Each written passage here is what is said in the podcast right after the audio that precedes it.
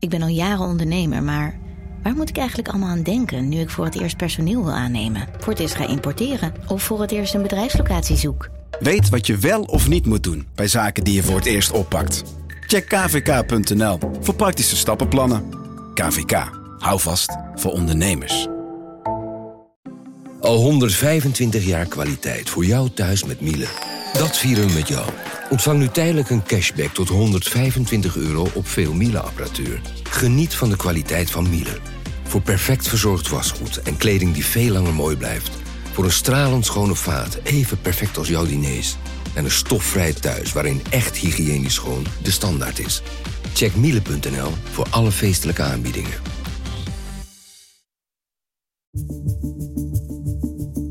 Vanaf de redactie van NRC het verhaal van vandaag. Mijn naam is Thomas Ruip.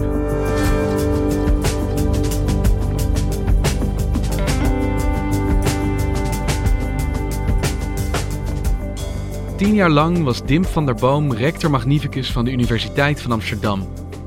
Ze was de eerste vrouw in Nederland met deze positie en maakte naam als voorvechter van scherpere gedragsregels tegen plagiaat. Nu blijkt, uit onderzoek van NRC, dat zij het met die regels zelf niet zo nauw nam.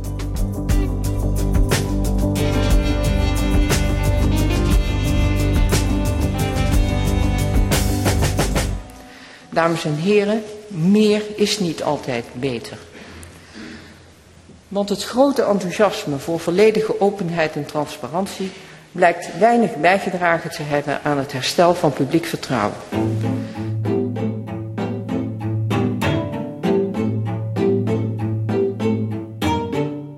Hier voormalig rector magnificus Dim van den Boom van de Universiteit van Amsterdam tijdens de openingstoespraak die ze uitsprak bij de Dies 2014. De Dies, dat is de verjaardag van de universiteit. Dat is een uh, heel academische plechtigheid waar allerlei hoogleraren in toga bij aanwezig zijn. Frank van Kolfschoten is wetenschapsjournalist en schrijft al jaren over plagiaat. Dim van Boom staat daar achter een katheder. De bijeenkomst die wordt uh, ingeleid uh, met orgelmuziek. Het is een uh, ruimte die gevuld is met vol hoogleraren in toga. Dus het is een academische bijeenkomst bij uitstek. De echte vijand van vertrouwen is bedrog en het beschamen van vertrouwen. En wat minder focus op het verheerlijkte ideaal van de transparantie en meer op het indammen van bedrog zou beter zijn. Prachtige woorden prachtige woorden inderdaad, alleen ze blijken niet van haarzelf te zijn.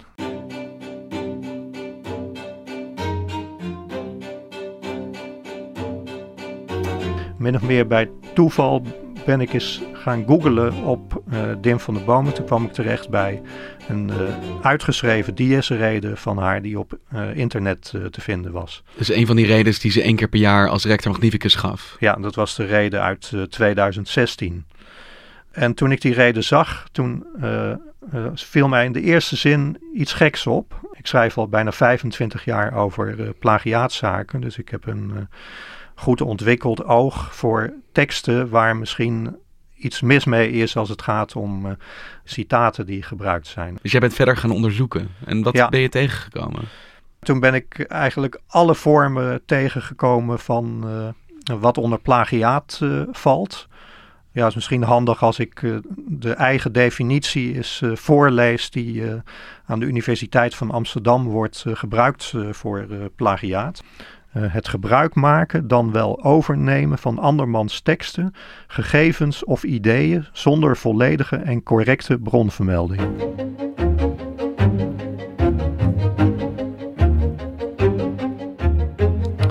Dim van de Boom is geboren in 1951 in uh, Brabant in een uh, kappersfamilie. Zij is daar zelf ook blijven helpen. Ze is daarna geen kapper gebleven, maar is lerares geworden in het bijzonder onderwijs voor kinderen met gedragsproblemen.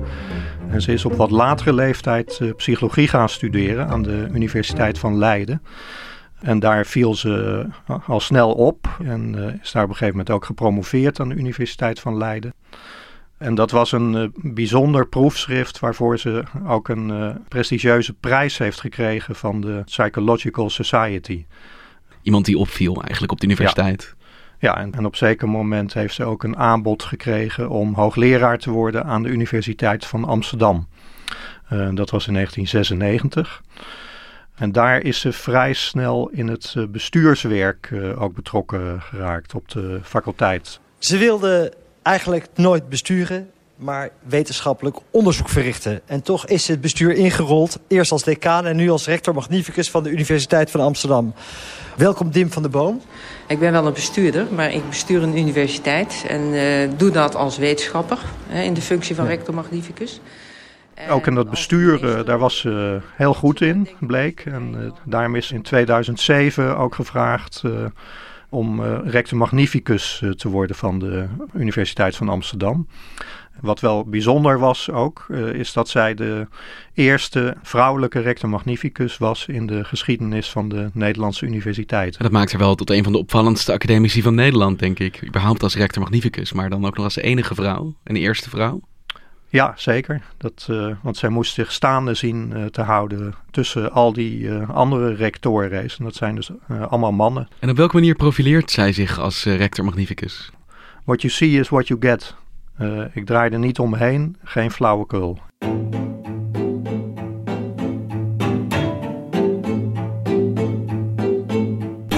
Ja, het speelt al uh, in de allereerste reden uh, uit uh, 2007. En daar begint zij met een verhaal over een schilderij van de Belgische schilder René Magritte. En dat hele stuk dat blijkt te komen uit een reden die iemand aan een andere hogeschool heeft gehouden. Maar dit zijn dus eigenlijk effectief de allereerste woorden die ze heeft uitgesproken als rector magnificus. En jij zegt, uh, ik kwam erachter dat die woorden van iemand anders zijn. Ja, dit was de eerste reden dus. En daarna heeft zij nog tien DS-redens uh, uitgesproken, die ik uh, ook allemaal bestudeerd heb. En wat zijn dan voorbeelden van zinnen die bij jou alarmbelletjes doen afgaan? Ja, ze wat eloquenter geformuleerd zijn. Ik heb er hier bijvoorbeeld eentje. Uh, die luidt: In onze postmoderne samenleving is kennis in toenemende mate vervreemd van de ontdekker van die kennis en wordt gezag steeds vaker ontleend aan de instituten waaraan men verbonden is. Het systeem moet dus streng en zelfreinigend zijn. Ik vind het dan net ietsje beter geschreven dan de wat ambtelijke stijl van de uh, omringende teksten. Dus daar herken ik dat dan uh, aan. En, en waar komt dit citaat dan vandaan? Uh, dat is een citaat uit een uh, artikel van Frank Miedema, het geïnspireerde genie als modelgeleerde. En als je dus als toehoorder in de zaal had gezeten tijdens die DS, dan was er geen enkele manier waarop jou duidelijk was geworden dat het niet haar woorden zijn, maar dus van iemand anders. Nee, in de zaal uh, denk je dat daar iemand staat die dit allemaal in huis heeft zelf. En ja, zij pronkt letterlijk met andermans veren. Your Excellency, colleagues, rectores magnifici, dear colleagues and students, ladies and gentlemen. This is the tenth and last time that I stand on this lectern. The first time was in October 2007. Ja, met de reden van uh, 2017 uh, uh, was uh, iets bijzonders aan de hand. Ik heb dat uh, geteld. Het, die heeft iets van 170 regels en een kleine 100 daarvan die hebben incorrecte bronvermeldingen. Dus de laatste reden die zij heeft uitgesproken als rector magnificus was tevens de reden waar jij ja, het hoogste plagiaatdichtheid aantrof. Ja. Uh, die bijeenkomst van 2017 die is uh, nog om een andere reden interessant, omdat het haar afscheid was. En uh, daarbij was ook minister Bussemaker van Onderwijs en Wetenschappen aanwezig. en Bussemaker was daar om een lintje aan, haar, aan Dim van de Boom te geven, omdat ze bevorderd was tot officier in de orde van Oranje Nassau. Dear Dimf, um, acht jaar geleden deelde je in Vrij Nederland jouw vijf leefregels met de wereld. Wachten voor jezelf, vechten voor jezelf en je inzetten voor een ander. Je eigen weg kiezen. Verandering als sleutel tot succes. Vertrouwen op je eigen inschatting. En wie imiteert, valt door de mand. Dat is haar motto. Wie imiteert, valt door de mand. Dat was het motto van Dim van der Boom. En dat werd uh, herhaald door minister Bussemaker uh, in die afscheidsreden die ze hield toen dat uh, lintje werd uitgeraakt.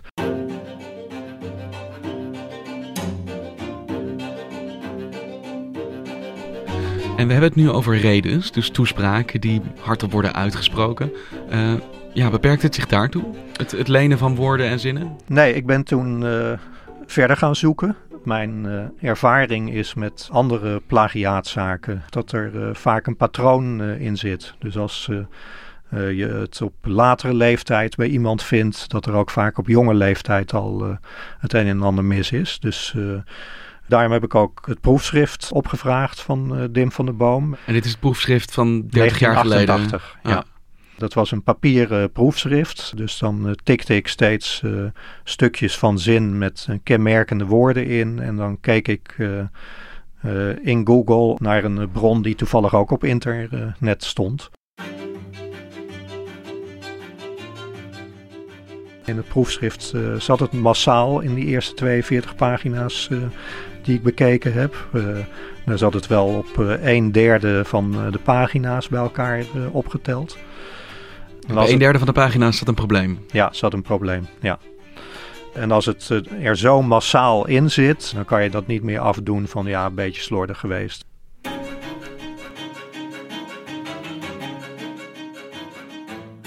Je hebt al die redenen dus op een rij gezet, je hebt haar proefschrift bekeken en het is een eenduidige conclusie die jij trekt. Hier is sprake van plagiaat. Ja. Als ik voor het gemak ze naast de regels voor studenten leg, dan uh, klinkt klaar plagiaat. En wat zegt zij daar zelf over? Want ik vermoed dat jij dit haar hebt voorgelegd. Ja, ik heb met haar uh, afgesproken in uh, Hotel Americain op het Leidseplein in Amsterdam. En nou, ik was benieuwd hoe dat gesprek zou verlopen. Ja, want dat lijkt me de allerheftigste beschuldiging die je kunt krijgen als wetenschapper. Hoe reageerde zij daarop? Ja, zij reageerde daar eigenlijk rustig op. Want zij zei dat ze vond dat in zo'n DS-reden dat dat best kon wat zij deed. Want zij zei dat zijn geen uh, wetenschappelijke publicaties. Ze vergeleek het met iets waar ik nog nooit van had gehoord op dat moment. Zogenaamde policy briefs. Dat zijn een soort beleidsnotities. Uh, en volgens haar uh, golden daarvoor aparte regels. Want dat was haar verdediging samengevat. Uh, in een reden gelden andere regels dan bijvoorbeeld in geschreven tekst of in een wetenschappelijke publicatie. Ja, en dan had ze ook nog het verweer dat er was meegeschreven aan de DS-redes door medewerkers van het Bureau Voorlichting van de Universiteit van Amsterdam. Dus dat is niet alleen geschreven. Dus ja, misschien hebben dus anderen dan ja. gekopieerd en niet ik. Ja, precies. En dan haar derde verweer was dat andere rectoren uh, dit ook zo deden in hun DS-redes. Uh, en over dat proefschrift, daar ging ze eigenlijk niet echt op in tijdens dat uh, gesprek. Ze vroegen niet aan me van laat dan eens voorbeelden aan me zien. Daar zei ze alleen maar over, oh, dat leerde je ook niet uh, in die tijd. En ze zei ook dat de begeleiding van de promotor dat hij te wensen over had gelaten. Want dat ze die uh, maar twee keer had gesproken over haar proefschrift. Want ik vind het moeilijk om in dit gesprek te verplaatsen. Dat is zo'n enorme beschuldiging waar je iemand met zo'n wetenschappelijke carrière mee confronteert. En het klinkt eigenlijk als een heel rustig, gemoedelijk gesprek. Ja, dat was het ook. Uh, toen ik s'avonds thuis was, toen dacht ik van wat is hier nu eigenlijk uh, gebeurd?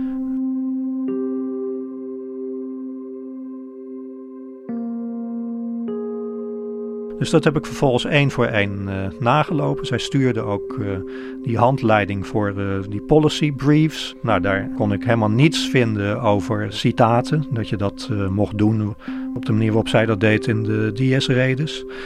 Vervolgens heb ik contact gezocht met de rectoris van de Universiteit van Leiden en van de Universiteit Utrecht.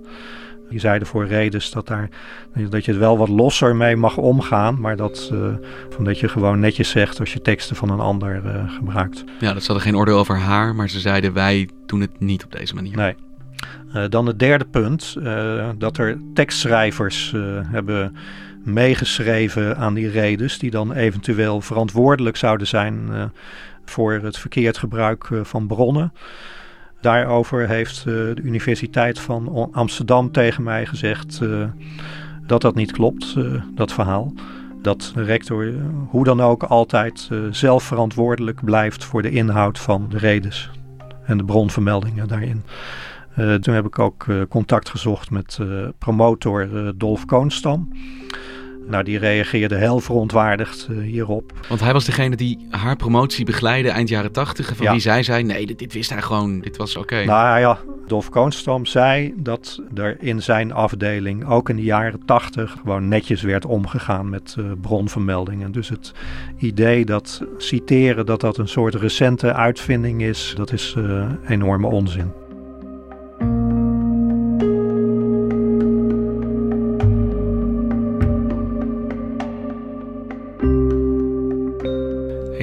Dim van der Boom had dus tot jouw verbazing eigenlijk de deur opengezet. Je had gezegd, nou, ik wil het hier wel met je over hebben. Had puntsgewijs gezegd waarom jouw beschuldigingen niet zouden kloppen. En jij hebt die dus allemaal weerlegd. Ja. Uh, en toen heb ik een tweede gesprek met haar gehad uh, op dezelfde plek uh, in Hotel Americain in Amsterdam. uiteindelijk aan het eind, helemaal aan het eind van het gesprek, zei ze: Ik ben me van geen kwaad bewust en ik voel me nergens schuldig over. Niet over de redes en niet over het proefschrift. Maar dan staan jullie dus wel lijnrecht tegenover elkaar. Want jij zegt dit is plagiaat. En zij zegt nee, ik heb hier geen fouten gemaakt. Wat wordt hier dan mee gedaan? Wie gaat uiteindelijk beoordelen? niet uh, te verwijten, ja. En wie gaat hier dan een oordeel over vellen? Want het lijkt me dat de universiteit degene is die dat dan zou moeten doen. Ja, de Universiteit van Amsterdam heeft intussen laten weten dat er een onafhankelijke onderzoekscommissie komt. Die gaat onderzoeken of er regels van wetenschappelijke integriteit zijn geschonden door Dim van der Boom in haar redes en in haar proefschrift. Tot die tijd schorten ze een eigen standpunt op, omdat ze dit zorgvuldig willen onderzoeken. Het enige wat ze wel al hebben laten weten is dat uh, deze regels gelden voor alle studenten en medewerkers. En dus ook voor bestuurders en voormalige bestuurders. Want voordat jij met jouw onderzoek begon, had de universiteit signalen ontvangen dat hier iets niet goed ging? Deden ze zelf onderzoek? Keken ze zelf eigenlijk wel kritisch uh, naar die redenen en haar werk? Uh, niet naar uh, haar redens en haar werk, maar waar de Universiteit van Amsterdam wel heel kritisch naar heeft gekeken en zich sterk voor heeft gemaakt, is een heel goed integriteitsbeleid voor studenten en voor medewerkers. En dat begon met het opstellen van een plagiaatregeling. En frauderegeling voor studenten. Verplichte plagiaatscan van proefschriften is ingevoerd. Dus je kunt zeggen dat uh, Dim van der Boom die is heel belangrijk geweest voor allerlei regelgeving die te maken heeft met uh, fraude en plagiaat en uh, integer gedrag van wetenschappers en studenten. Dus terwijl zij rector magnificus was, is de universiteit juist strenger geworden op plagiaat?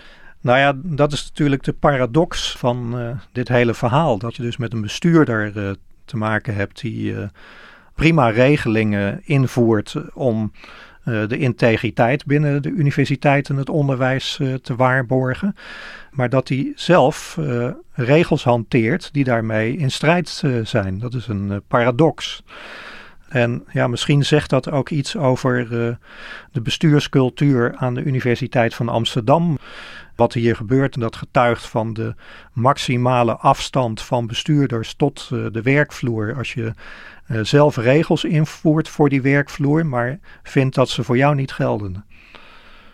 Is er een kans dat met die enorm drukke baan die het rector magnificusschap is, ja, dat dit er tussendoor geglipt is, dat ze het niet doorgehad heeft, dat het foutjes zijn? Nee, want daarvoor is het patroon uh, te repeterend, jaar in, jaar uit. Er zijn twee redenen waarin ik helemaal niks uh, gevonden heb. Dus jij zegt dit is meer dan slordigheid? Ja. Dankjewel Frank. Graag gedaan. Je luisterde naar vandaag, een podcast van NRC. Eén verhaal, elke dag. Vandaag wordt gemaakt door Mirjam van Zuidam, Henk Ruigrok van der Werven, Ido Havinga, Tessa Kolen, Julie Blusset, Jan-Paul de Bond en Ruben Pest. De muziek die je hoort is van Rufus van Baardwijk. Dit was vandaag, morgen weer.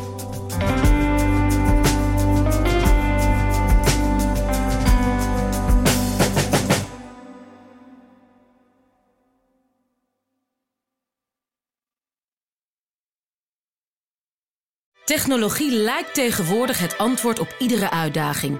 Bij PwC zien we dit anders. Als we de potentie van technologie willen benutten, kunnen we niet zonder een menselijk perspectief. Human-led, tech-powered noemen we dat. Ga naar pwc.nl.